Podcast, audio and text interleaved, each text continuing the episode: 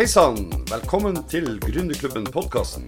Mitt navn er Berg Mo. Jeg sitter som vanlig på mitt lille hjemmestudio her i Drøbak.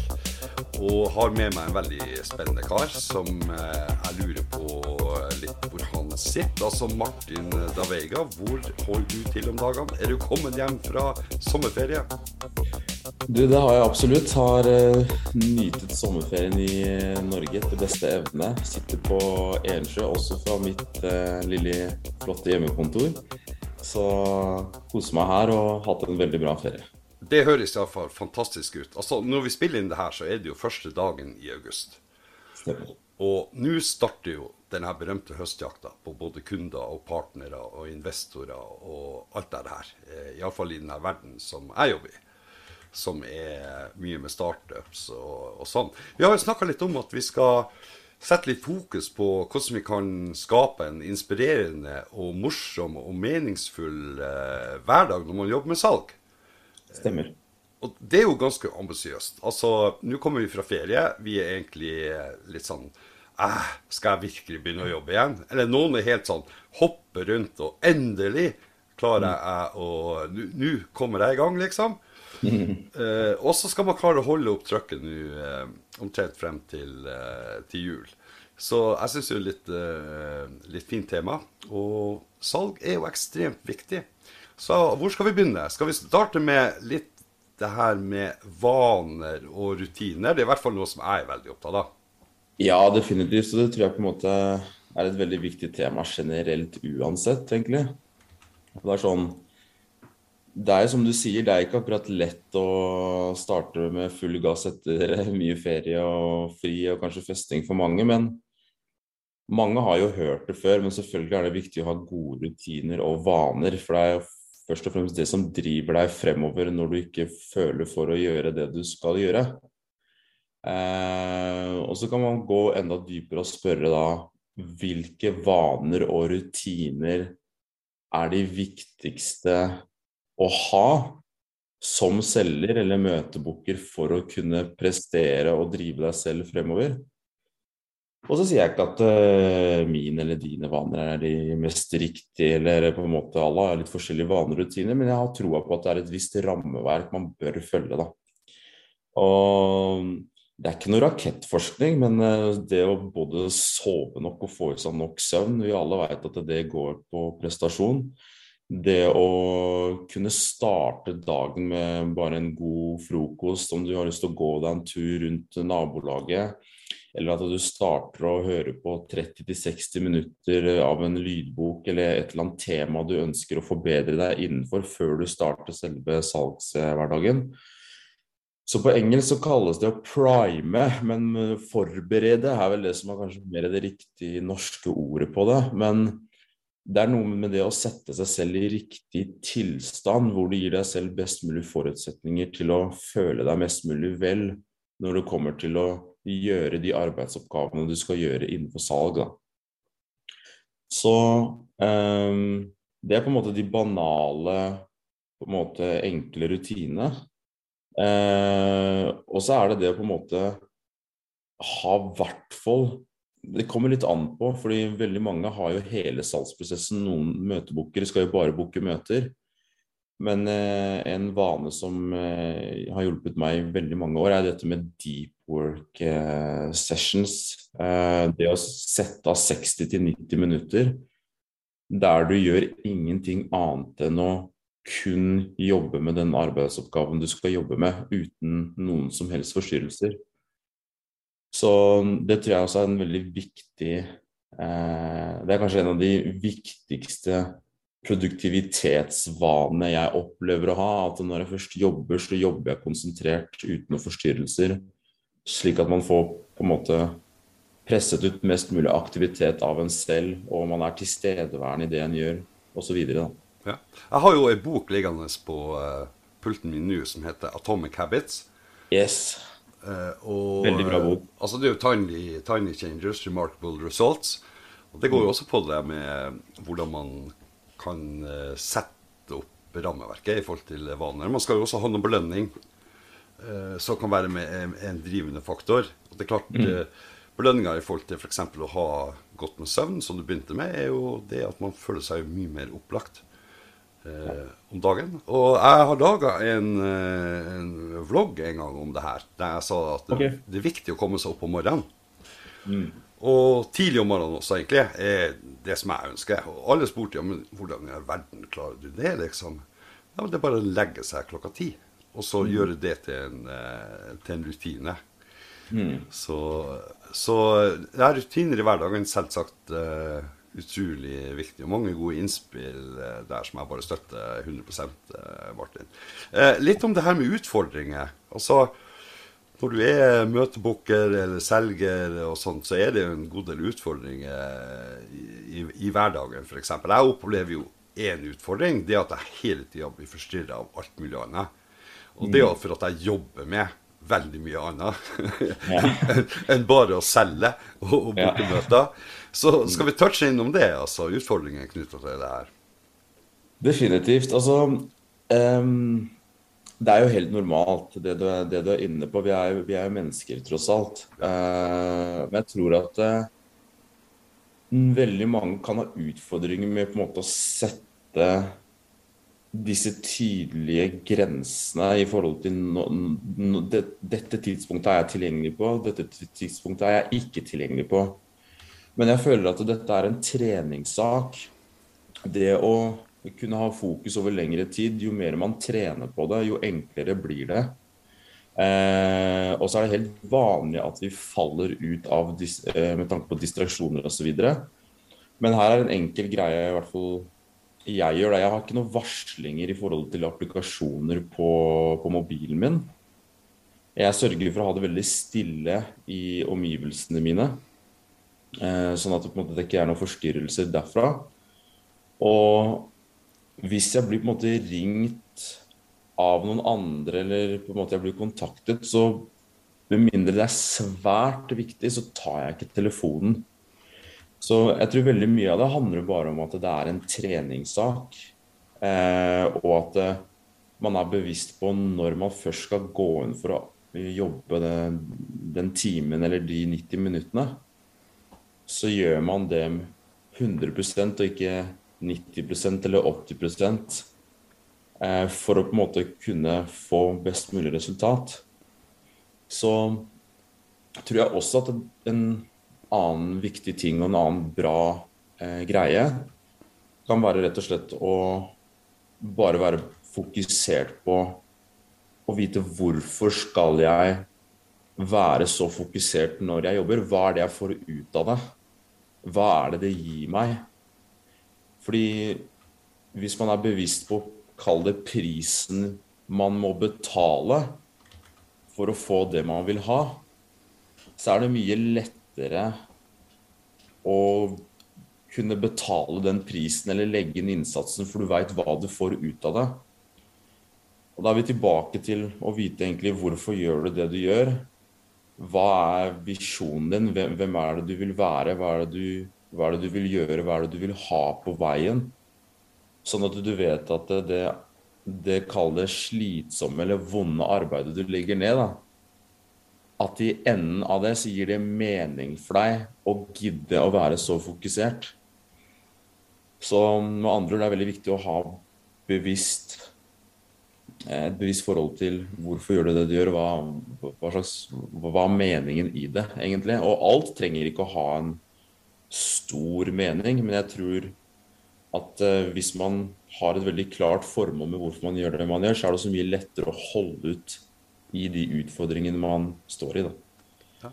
Der var ei venninne av meg som eh, kom med et tips som er oppi den gata her. Eh, mm. Jeg hadde en periode veldig eh, demotivert.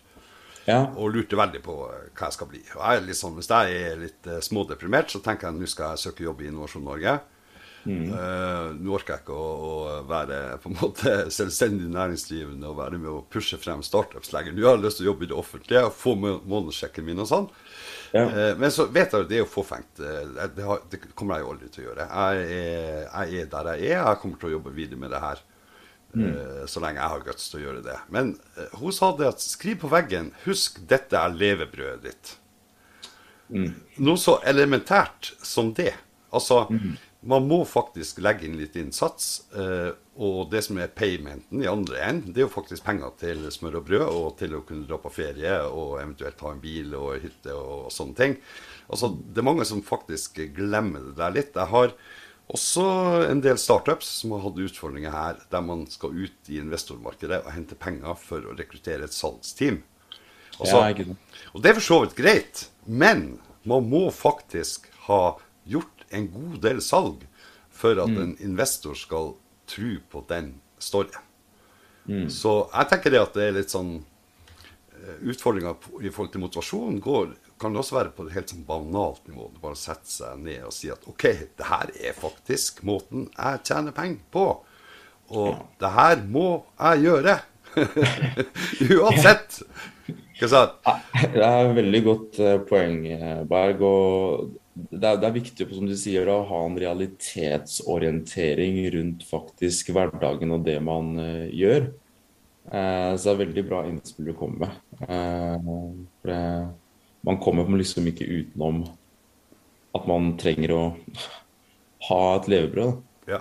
Nei, ikke sant. Så jeg har, eh, altså, det jeg har gjort, jeg har sett av én eh, time i CRM-systemet mitt hver eneste dag nå i, i, hele august. Det, det, høres kanskje ikke mye ut, men jeg får generert veldig mye i løpet av en time. Også i forhold til min metodikk og hvordan jeg jobber.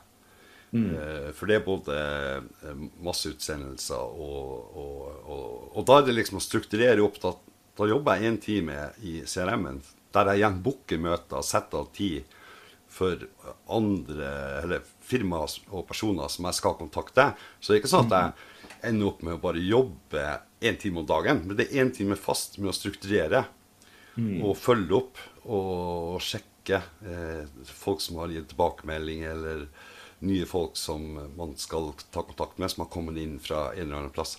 Så man kan gjøre, det, man kan gjøre det ganske enkelt også for å få et visst trøkk. Definitivt. Og det er kontinuiteten i det som du er inne på. Og det, det, er ofte derfor det er veldig lett å gi opp for, eh, for mange. Eh, for det tar jo tid å, å skape endring. Eh, og så ser man ikke resultatene der og da. Men det er den der klassiske, det klassiske med at man overvurderer hva man kan få til på, på kort tid, og så undervurderer man hva man kan få til på, på, på lengre, en lengre tidshorisont. Da. Så jeg tror veldig mye har med også å sette realistiske forventninger i forhold til måloppnåelse. Ja. Eh, fordi hvis man ikke har realistiske forventninger til måloppnåelsen man skal oppnå, da, så er det veldig lett å bli irritert og frustrert og skuffa. Men så er ikke de målene forankra i realiteten. Og misforstå meg riktig, jeg sier ikke at man ikke skal drømme, eh, ikke eh, eh, Som de sier på engelsk 'shoot for the moon'. så det er, ikke, det, det er ikke det det handler om. Men jeg tror at ved å være litt mer virkelighetsorientert eh, rundt at man er bevisst på hva som faktisk kreves i form av aktivitet og til tider tall, så er det lettere å ha en arbeidshverdag og en prosess over tid hvor man ikke blir så irritert og frustrert, for man har ikke urealistiske forventninger på at det skal skje innen en uke eller en måned eller hva det er. Eh, og ja, du har andre andre selvfølgelig eksempler på at ting har skjedd veldig fort, sier ikke det. Eh, men som regel så har det vært en prosess over lengre tid for de aller, aller fleste å komme et sted. Så jeg vet ikke hva dine refleksjoner er på det. Men... Ja, Det er jeg helt med på. Også jeg er blitt så realistisk at det er liksom tre store ting som jeg klarer å gjøre i løpet av en dag. Altså tre sånne hovedoppgaver. Mm. Eh, og får jeg gjort mer enn det, så er det en ren bonus. Og da ender jeg opp med som regel å være happy omtrent hver eneste dag. Og det, det er en god følelse. Og så noen dager Som regel klarer jeg de tre rimelig store tingene. ikke sant? Det kan være at det noe, jeg skriver et ganske omfattende tilbud, f.eks. Det kan være et ganske stort blogginnlegg som man skriver. Eller det kan være innspilling av en podkast, sånn som vi, vi gjør nå. Altså, mm. Men det, det, som jeg også tenker, det er jo også det her med å ha, være realistisk overfor resten av teamet. La meg si du har et salgsteam, da. Eh, hva tenker du rundt det? Altså, hvis man blåser opp eh, på en måte budsjettet og ender opp med at ingen når eh, målene sine, så kan man jo ende opp med ganske sur stemning på jobben. Liksom. Hva, hva, tenker du? Hvordan skal man strukturere det her med forventninger akkurat rundt, rundt team? Ja, det, det, det, er, det er veldig godt spørsmål, akkurat det der. Og så er det altså Jeg har full forståelse for at det er kopier en skal nå. Og neste år så ønsker man å øke kopiene igjen, kanskje, i forhold til budsjett. Og man er jo i en forretning, og forretningen skal jo vokse. Men jeg tror at det er veldig mange selgere eh, og salgsteam der ute Ikke alle, men veldig mange er kanskje litt redd for å bli målt på tall og ha et så bevisst forhold til aktivitet og tall. Eh, for kanskje så har de en assosiasjon til at det er slitsomt, at det blir, blir litt sånn, kan bli litt mye. Men jeg prøver å se på det på en litt annen måte, fordi hvis du ikke kan måle det, så kan du på en måte ikke forbedre det. Altså, og Det er det på en måte å se på tallene som en, som en, god venn som skal veilede deg til å bli bedre på de områdene som du kanskje ikke er så god innenfor. Så, og, det er sånn du vet hva du egentlig skal ta tak i. Hvis jeg kan komme et eksempel. Hvis du vet at du har ringt 100 personer Eh, si du har hatt 100 samtaler, som er veldig mye, og så har du fått ett eh, møte. Så kan det hende at eh, det er ekstremt vanskelig den bransjen du booker møter i. Men det forteller meg at kanskje vi må trene mye mer på pitchen og måten du formidler budskapet ditt på. At du kanskje ikke treffer like godt ut ifra hva som er muligheten å treffe på når det kommer til å pitche på, på telefonen.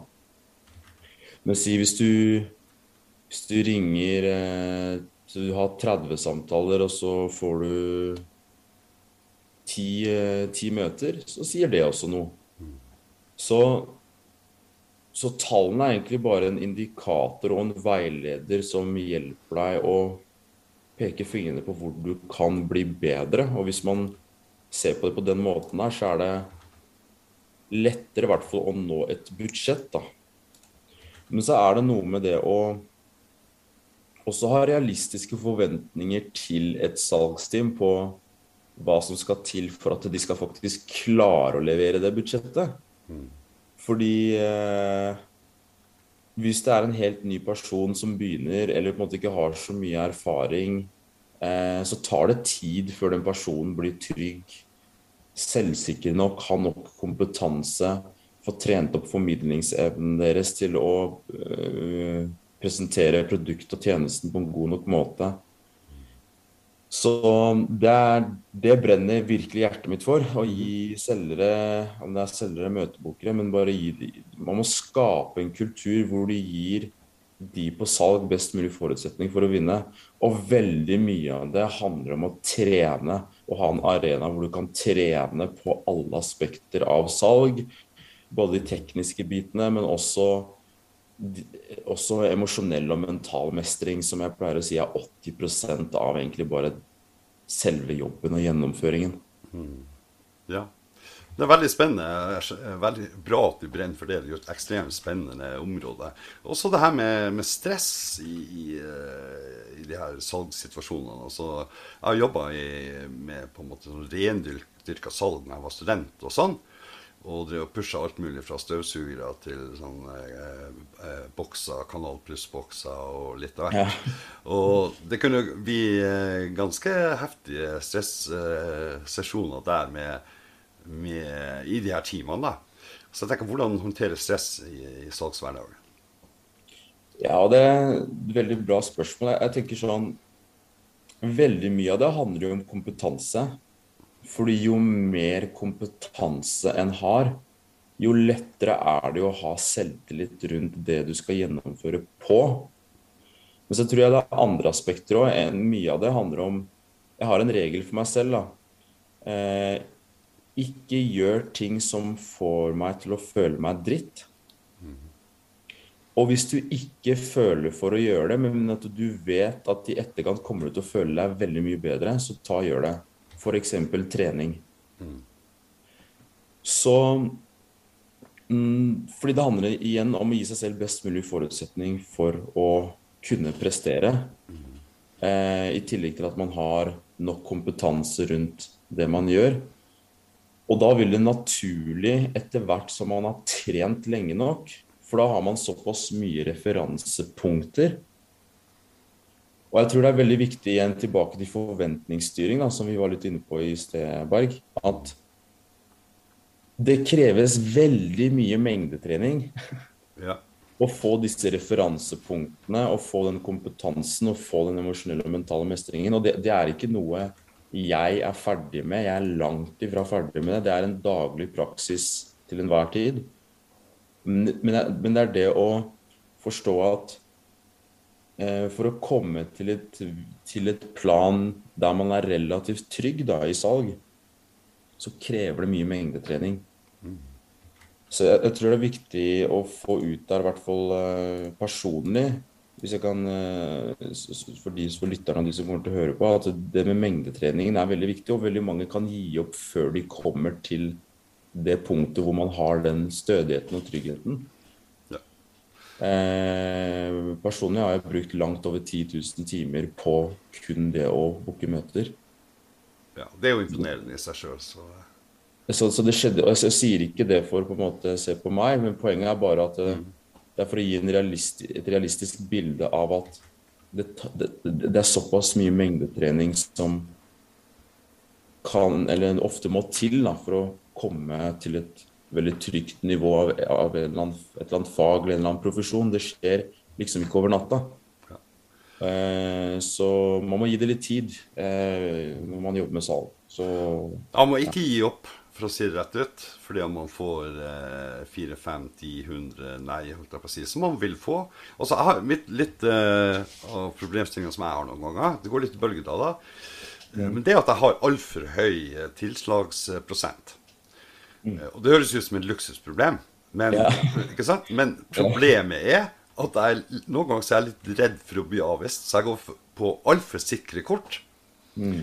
Eh, og noen ganger har jeg vært i situasjoner der jeg kanskje har prisa meg altfor lavt bare for å få et salg. Det har jeg kvitta meg med, på en måte, for det, det, jeg, det kan jeg ikke lenger. Altså, jeg er jo, Nå er jeg nybakt pappa og har noen barn fra før, og jeg har familieansvar på det her og der. holdt jeg på å si. Så, mm. så det fins ikke mulighet. Jeg er nødt til å, å, ta den prisen som jeg, jeg, må. Men det her er jo et kjent problem, tenker jeg. Altså det med å være redd for å bli avvist i en salgssituasjon. Veldig. Uh, jeg har noen tanker rundt det. Ja, det vil jeg tro. Og mm, det er to aspekter av det, da. Uh, det ene er at å drive med salg er som å be om å bli avvist hver eneste dag. Det er ikke snakk om om du kommer til å bli avvist, det er bare snakk om når ønsker jeg og du og de som lytter på podkasten i etterkant her, når er det vi ønsker å bli avvist alle sammen? Mm. Ønsker vi å bli avvist innen en halvtime, en time, to timer? Det, det å jobbe med salg og, ikke, og, og, forvente at man ikke blir avvist, er en sikker vei til skuffelse og masse lidelse. Ja. Så, fordi det er et scenario som er umulig å unngå. Det er det ene aspektet. Og så er det eh, et annet aspekt der. I forhold til at frykten for å bli avvist eller ikke bli akseptert er jo enorm. For vi er jo sosiale vesener, og hvis vi ble avvist før i tidene, så kunne det bety at vi døde. Eh, så det ligger jo veldig primalt i oss. Men hvis du tenker på det, eller eh, hvis man kan bli litt bevisst på dette her, i en, i en dialog eller i en interaksjon, så siden vi har disse fryktene, at vi er redd for å bli avvist, vi er redd for å feile, så vil ikke folk flest tørre å lede og styre. Fordi majoriteten er jo ikke ledere, og det er ikke noe galt i det. Misforstå meg riktig. Alle er ledere på en eller annen måte. Eh, trenger ikke, trenger ikke være leder av en bedrift for å være en leder. Du kan lede en familie, du kan lede samfunnet ditt, du kan lede klubben din, du kan lede vennegjengen din på ferie når du skal planlegge, eller en kino spiller ikke noen rolle. men mm det å tørre å lede og styre i en interaksjon kan ofte være veldig ubehagelig fordi folk flest er redd for å bli avvist eller feile. Og derfor overtenker man hva skal jeg si, hvordan skal jeg si det? For, fordi det er en risiko for å bli avvist og feile, men det er det alltid. Men det jeg pleier å si, er at eh, jo mer man blir avvist, jo mer vi klarer å feile, jo flere Det er den eneste måten å få nok referansepunkter på til å klare å få den tryggheten og den stødigheten. Fordi når du har eh, tusenvis av timer med referansepunkter på nei og feil, så vil hjernen etter hvert se mønstre, kunne gjenkjenne ting, og det er lettere å holde en ro i stressede situasjoner fordi du har gjort det før. Mm. Så veldig mye er en treningssak. Det er som å sykle. Eh, det, er som alt annet. Man må trene for å bli god. Eh, og så finner man ut nok detaljer som gjør at man ikke lenger har den frykten. Så jeg pleier å prøve å definere frykt som at man har masse irrasjonelle detaljer som man krisemaksimerer og overtenker basert på at man ikke har kartlagt de referansepunktene. Og, så det, blir, det, er litt som å ha eksponeringsterapi. Mm -hmm. Så den eneste måten å på en måte kontinuerlig opprettholde den stødigheten og tryggheten, er jo å søke den avvisningen, søke de, disse feilene, men også lære av de, naturligvis. Og, og, øh, det er ikke sånn at jeg elsker å feile eller elsker å bli avvist, jeg elsker å tape. Mm. Uh, men det er det å ha et bevisst forhold til det, å akseptere det og forstå at det er en del av hverdagen og realiteten. Og man kommer ikke i mål uten, uten å faktisk omfavne det. da. Og den, ja, hvis det ikke har mening? Absolutt god mening. Altså, det som jeg tenker ut det her, Du har jo en, et engasjement, og du brenner for de her tingene her. Men du, du virker også som på en måte veldig takknemlig for at du får lov å jobbe med det her. Ja. Kan, kan, du si litt Jeg ser det jo, jeg, jeg følger deg på Facebook og, sånn. Og det skinner liksom gjennom det her med takknemlighet. Eh, hvilke forhold, forhold har du til det? Eh, takk, det er veldig hyggelig at du, du sier det, Berg. Og, altså, jeg er først og fremst veldig takknemlig for å kunne ha podkasten med deg òg. Og, og, det arbeidet du gjør for, eh, for gründere generelt, startups og egentlig bare entreprenør- og forretningsverden er veldig bra. Takk. Og det skal du ta til deg. Um, men ja, for å svare på spørsmålet. Ja, jeg er veldig takknemlig for det jeg gjør, fordi jeg har funnet noe som gir meg veldig mening. Noe jeg syns er gøy. Uh, noe jeg brenner for, noe jeg syns er utfordrende, men de utfordrende gir mening å stå i. Og så har jeg et veldig fokus på takknemlighet. Jeg skriver jo ti ting jeg konkret har opplevd hver dag eh, som jeg kan være takknemlig for. Så er det ikke sånn at jeg husker å gjøre det absolutt hver dag. Skal ikke skryte på meg det. Eh, men jeg tror at det er ikke så mye annet enn takknemlighet og Det høres kanskje litt flåsete å si for mange, men eh, takknemlighet og kjærlighet i min verden, da, som i hvert fall gir meg en veldig sånn fin ro og balsam for sjela. Ja. Så og det, det, å ha et bevisst forhold til det gjør at eh, jeg har et veldig eller jeg, det, jeg føler det hjelper å ha mye mer sunnere tilnærming til business penger, måloppnåelse eh, og livet generelt, da. Eh, for jeg føler at det er, det er, veldig lett å bli veldig opphengt i sine mål, og jeg elsker å nå mål og vokse og bli bedre, og hvem gjør ikke det? Men jeg tror det er veldig viktig i forhold til egen emosjonell og mental helse å ha et fokus på disse tingene, fordi prosessen er så enormt mye lenger enn selve målet. Eh, og jeg tror at ved å ha det fokuset, så er det veldig mye lettere for en selv å ha det bra i hverdagen. Så min definisjon av suksess nå handler egentlig bare om å ha det best mulig med meg selv.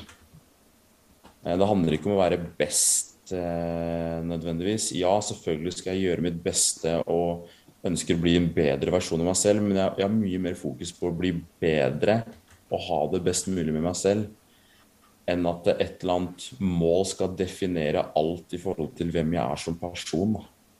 Fantastisk. Vet du, er, Der er jeg bare helt med. Der er jeg også nå. Og at du er der i en såpass ung alder, det gjør at jeg har veldig stor tro på at uh, Martin kommer til å gjøre det veldig bra fremover. Jeg har lyst til at du skal si litt om uh, firmaet Leadjabber, og hva dere gjør der, sånn på slutten. Du, absolutt. Um, avslutningsvis, altså vi er jo en gjeng på syv stykker som uh, Det er et teknologiselskap i bånn. Så vi har en software som rett og slett hvor vi har bygd vårt eget prospekteringsverktøy som kan automatisk uh, finne direkte e-poster til de vi skal ta kontakt med, om det er HR-sjefer, daglige ledere eh, osv. Så, videre. så denne roboten her gjør det automatisk. Og så er det andre aspektet at softwaren kan lage e-postsekvenser som er automatisert for å generere leads eh, som viser interesse eh, for de tjenestene og produktene man selger. Da. Så vi bruker kompetansen vår på å skrive disse e-postene som, eh, som, blir automatisert, men de gjøres på en veldig personlig måte. Veldig nøye, strategisk gjennomtenkt måte.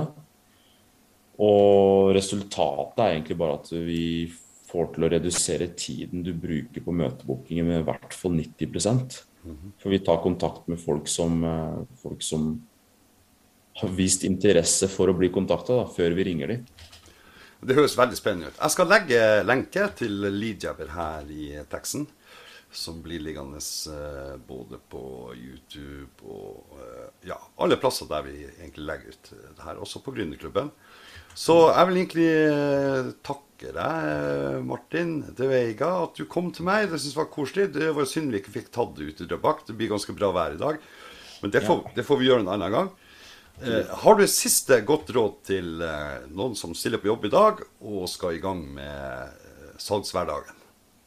Du, jeg vil bare si egentlig ta Vær snill med deg selv og gi deg selv litt tid for å komme opp i komme opp, i, komme opp i momentum, men samtidig ikke utsette og sette av tiden i dag til å virkelig, eller når du hører på podkasten, til å prioritere å lage en struktur, et rammeverk, eh, og identifisere hva slags vaner du skal ha de neste seks månedene, slik at du er takknemlig og takker deg selv når du kommer til julaften og spiser en, en god ribbe, eller hva enn det er. Fantastisk, eh, Martin. Jeg er i hvert fall veldig takknemlig og føler at jeg har fått en veldig bra start på august med å gjøre denne podkastinnspillinga med deg. Så Martin, jeg vil bare ønske deg fantastisk eh, august og god høstjakt, er det ikke det vi sier, i forhold til salg? Absolutt likeså, og tusen takk, eh, Berg, for at du også ville ha meg på podkasten. setter jeg veldig pris på. Og takk for den jobben du gjør også. Det skal du, det skal du ha.